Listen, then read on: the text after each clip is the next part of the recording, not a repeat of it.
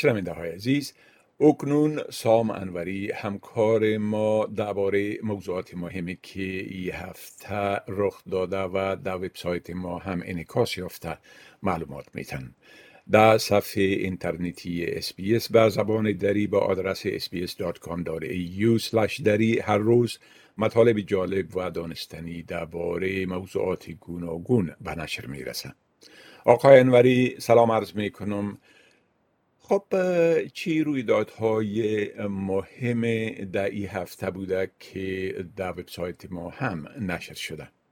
با سلام به شما و شنوندگان عزیز. خب این هفته را با نوروز روز نخست سال نو 1401 خورشیدی آغاز کردیم. استرالیایی های افغان تبار با برگزاری جشن های کوچک در آخر هفته گذشته البته قبل از نو شدن سال از نوروز تجلیل کردند و قرار است جشن های بزرگتر به مناسبت سال نو در آخر هفته پیش رو هم برگزار کنند. در آخر هفته گذشته انتخابات ایالتی استرالیای جنوبی دایر شد که نتیجه او پیروزی خیره کننده حزب کارگر و کنار رفتن حزب لیبرال از قدرت بود. این نخستین انتخابات در دوران همگیری کرونا بود که در او اپوزیسیون توانست حزب حاکم را از قدرت کنار بزنه این در حالی است که فقط چند هفته دیگر از انتخابات فدرال استرالیا فاصله دارد حکومت فدرال در اوایل هفته اعلام کرد که به آوارگان اوکراینی ویزه موقت پناهندگی با حق دسترسی به کار آموزش و خدمات درمانی میته و در این مرحله برای پذیرش آنها سقف تعیین نمی‌کنه گزارشی که بیش از همه مورد استقبال مخاطبان ما در شبکه های اجتماعی واقع شد شکایت رسمی یک پناهنده از حکومت استرالیا به دلیل تاخیر دلیل در رسیدگی به درخواست ویزی خانوادهش بود. این نشان میده که تعداد زیاد از خانواده های افغان در استرالیا با مشکلات مشابهی مواجه هستند. همچنین گزارش داشتیم از شکنجه یک مرد هزاره در افغانستان و اتهام سهمگیری در توزیع کمک های استرالیایی که توسط برادرش در استرالیا جمع آوری شده بود. رئیس انجمن هزاره های جلانگ در صحبت با اسپیس دری مدعی شد که طالبان برادرش را به اتهام توزیع کمک هایی که او در جمع آوری آنها در استرالیا نقش داشته بازداشت و برای مدت 11 روز شکنجه کردند. رویداد خیلی امیدوار کننده دیگری در رابطه با پناهندگان به سرنوشت مستقر در بازداشتگاه های بیرون مرزی استرالیا رخ داد. حکومت ائتلاف در نهایت بعد از 9 سال به پیشنهاد نیوزلند مبنی بر اسکان مجدد پناهندگان از بازداشتگاه بیرون مرزی استرالیا چراغ سبز نشان داد و قرارداد پذیرش 450 پناهنده را با نیوزلند نهایی کرد. در خبر دیگر در آستانه نشست سران ناتو در بلژیم حکومت استرالیا اعلام کرد که اخراج سفیر روسیه از کشور همچنان به عنوان یک گزینه زنده روی میز حکومت قرار دارد. همچنین استرالیا تلاش دارد تا جلوی اشتراک ولادیمیر پوتین رئیس جمهور روسیه در اجلاس سران گروه 20 را که قرار است در ماه اکتبر در اندونزیا برگزار شود هم بگیرد. علاوه بر اینها اخبار و مطالب در موضوعات مختلف داشتیم که شنوندگان عزیز می‌تونن اونا را در وبسایت ما دنبال کنند. بله خب درباره شکایت یک پناهنده علیه حکومت استرالیا گفتین. میشه که در این باره یک مقدار تفصیلات بتین؟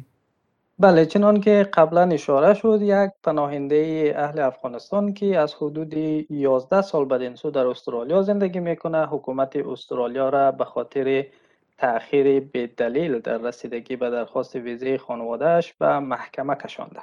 عبدالله که با وضعیت دشوار روانی دست و پنجه نرم می‌کنه و بینایی خود را هم از دست داده میگه که تحمل جدایی از همسرش فاطمه و چهار فرزندش که در پاکستان پناه بردهاند بر شانه هایش سنگینی می‌کنه. عبدالله در سال 2011 از طریق دریا به استرالیا آمد و خانوادهش در سال 2012 زمان افغانستان را ترک کرد که اصابت یک موشک یا راکت به خانهشان در حومه شهر غزنی منجر به کشته شدنی یکی از دختران عبدالله شد. عبدالله در سال 2017 درخواست ویزه خانوادهش را درج کرد اما با گذشت بیش از چهار سال هنوز هیچ پاسخی از حکومت استرالیا دریافت نکرده. مرکز حقوقی حقوق بشر اکنون به نمایندگی از خانواده عبدالله شکایت رسمی علیه حکومت درج کرده و حکومت فدرال را متهم کرده که اتحاد مجدد آنها را به جهت به تاخیر انداخته. وزارت داخله از اظهار نظر در مورد پرونده خانواده عبدالله خودداری کرده اما وکلای او گفتند که در صورت قضاوت محکمه به نفع او حکومت مجبور خواهد بود که درخواست ویزه اونها را نهایی کند. بله خب همچنان باره پیشنهاد نیوزیلند برای پذیرش پناهجویان که در بازداشتگاه های بیرون مرزی استرالیا به سر می‌برن گفتین میشه که در این باره هم یک مقدار توضیحات بتین؟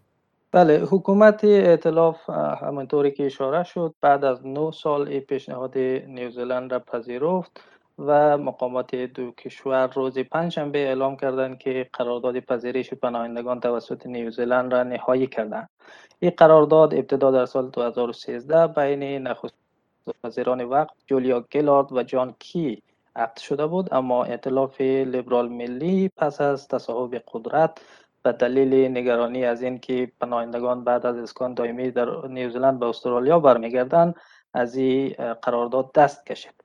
مطابق نسخه نهایی قرارداد نیوزلند طی سه سال آینده سالانه 150 پناهنده را از بازداشتگاه های بیرون مرزی استرالیا در نارو و پاپواگینی نو اسکان میته در این برنامه به پناهندگان اولویت داده میشه که در نارو هستند یا به طور موقت از نارو و پاپواگینی نو به داخل استرالیا منتقل شده.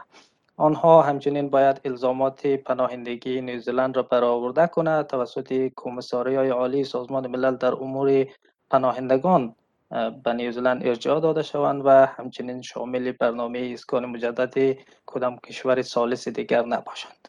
بله خب بسیار تشکر آقای انوری از این معلوماتتان و فعلا شما را به خدا می سپارم و روز خوش و آخر هفته خوش برتان آرزو می کنم تشکر از شما خدا نگهدار.